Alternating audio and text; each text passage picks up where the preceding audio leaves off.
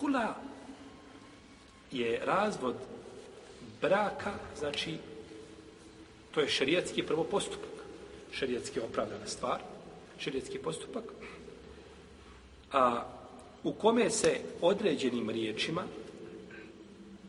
znači izrazom, traži razvod braka, supružnici, njih dvoje, i definiše se vrijednost, znači koja će se isplatiti supružnici. Pa ovdje imamo četiri rukna za hula. Mora imamo četiri osnovne elementarna dijela bez kojih ne vrijedi e, sporazumni razvoj. Prvo su supružnici. Supružnici. Supruk, supruk se tu naziva El Muhada.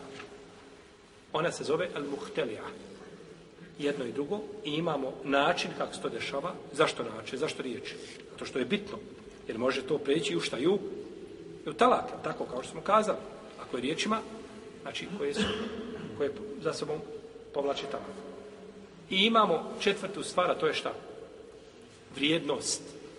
Vrijednost koja se plaća mužu, koja mu se daje. Koja mu se daje. Dobro. Prvi ovaj uvjet je el muhala, a to je muž, supru muž znači koji to isplaćuje, odnosno koji prihvata tu ženinu ponudu. I kod islamskih učenjaka, kod fakriha, ima pravilo da pravo na prihvatanje razvoda uz otkup ima pravo onaj ko ima pravo dati talak. Jel u redu? Pa ne može se dogovoriti ovaj svekar sa snahom nešto iza, iza leđa sinu sin otišao, otputovao sa snahom da govori da, da, da, da se razvedu, ne može od snahe smisl organski i hajmo mi snahom da mi to riješimo i ona se dogo... i njega niko ništa ne pita. Jer nema pravo dati ko? Talak. Babo, je tako? Babo od muža nema pravo dati talak. Pa talak, znači prihvata, odnosno onaj fes, eh, hula prihvata čovjek koji ima pravo da daje, jeli? Talak. Talak.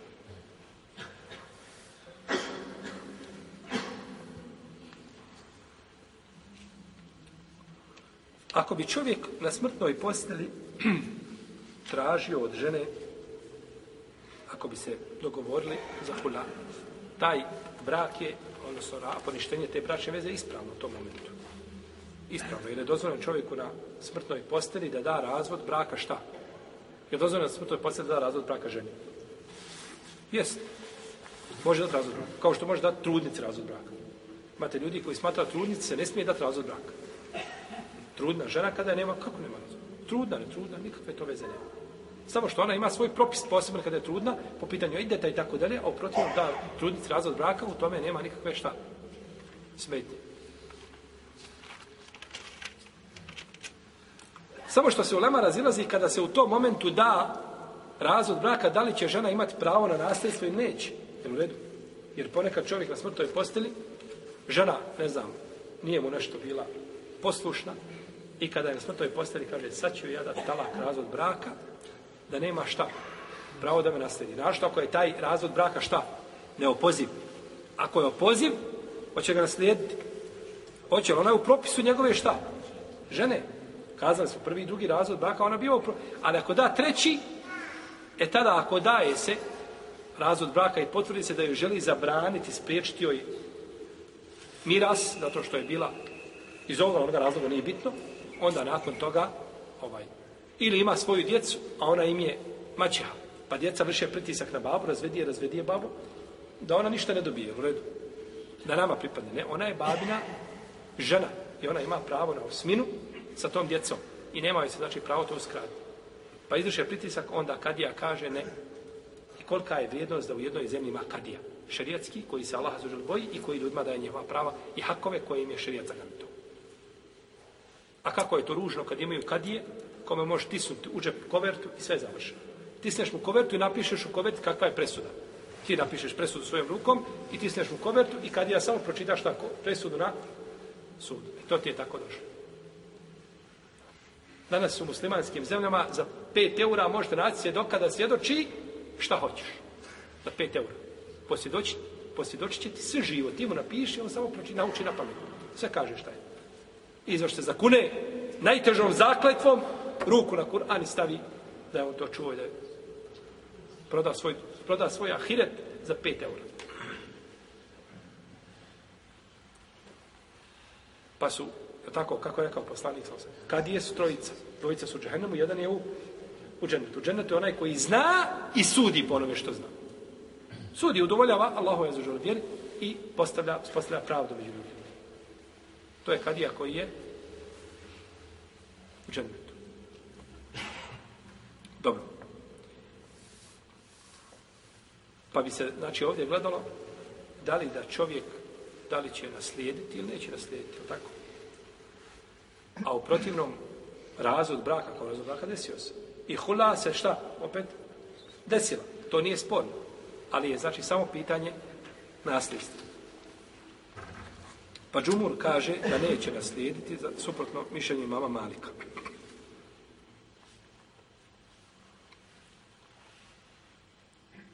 Ali dobrodošla žena i kaže na smrtnoj posteli, haj ti mene razvedi.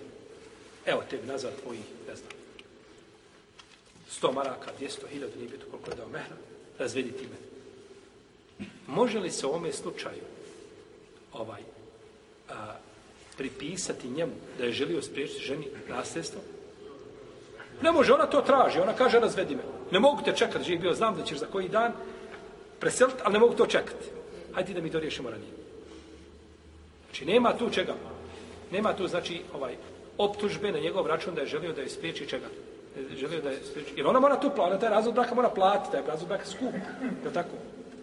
Jer razvod braka znači treba biti otkup, vidjet ćete kad dođemo do ovoga šarta zadnjeg da vidimo da li, da li treba to ili može i bez toga. Pa je znači košta taj razvod šta?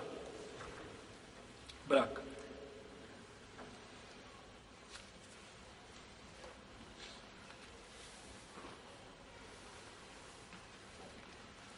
I ako bi joj u tom momentu oporučio više nego što joj pripada, imaju pravo ostali oni nastavnici, da se šta? Da se bune. I opet kod koga? Kod kad je? Opet kad je ne da. Jer nema u šarijetu je regulisano šta će ko koliko dobiti. Ti imaš jednu trećinu živio da sa njom raspolažeš. Da je daješ na Allahovom putu, a ostavi onim namjesnicima, ono, on, onim nasljednicima ono što je uzvišenje Allah te barak propisao.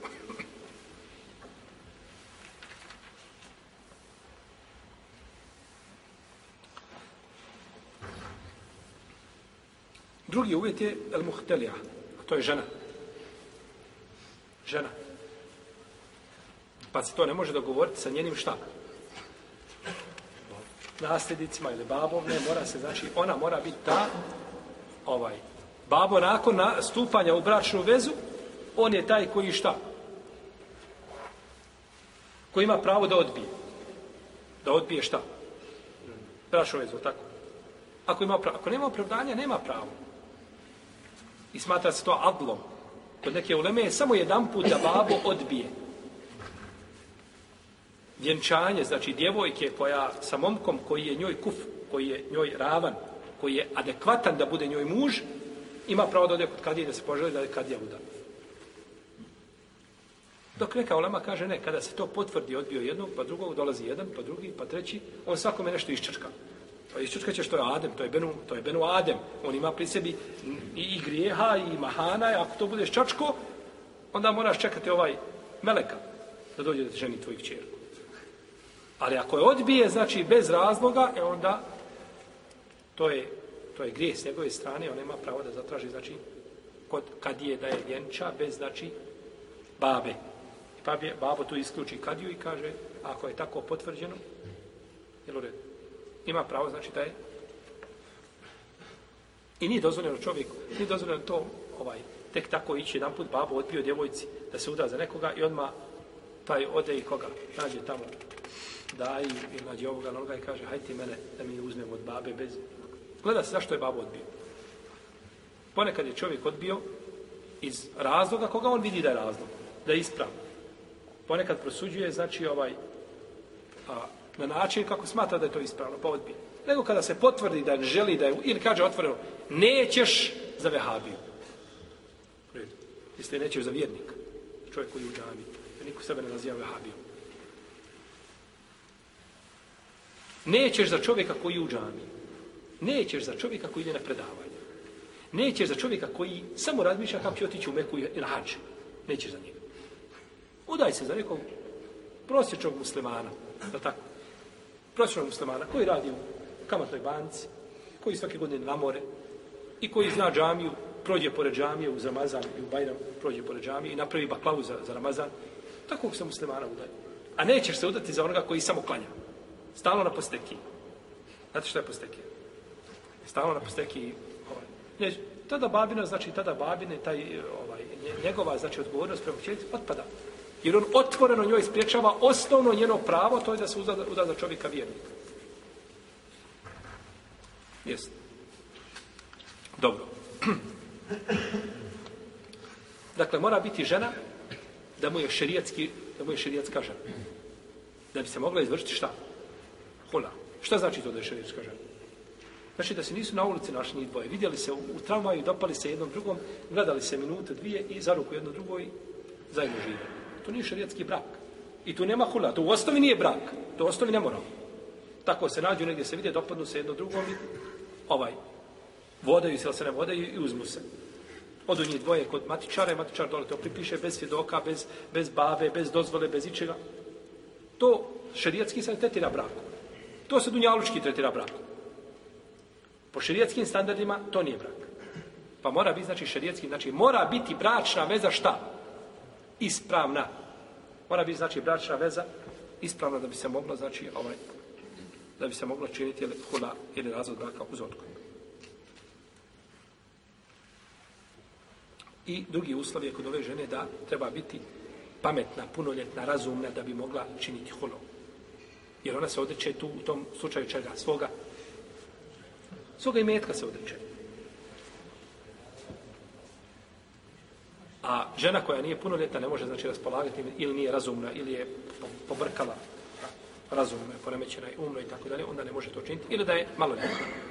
Ne može, znači, ovaj, po širijetskim ili standardima i mjerilima, ne može, znači, ona prihvatiti. Ne mora biti ta dva uvjeta. Mora biti brak ispravan, da je širijetska mu žena, ili u propisu čega? Žene, to je u jednom, to je u paketu, i imamo drugo šta da je punoljetna, razumna, prisebna, znači, Naravno da nije prisiljen, da neko prisili ovaj nož podvrati, potpisivaj, da, da vraćaš mehr i tako dalje. Ne vrijedi to, nego znači to mora biti, znači dobro. Jesu.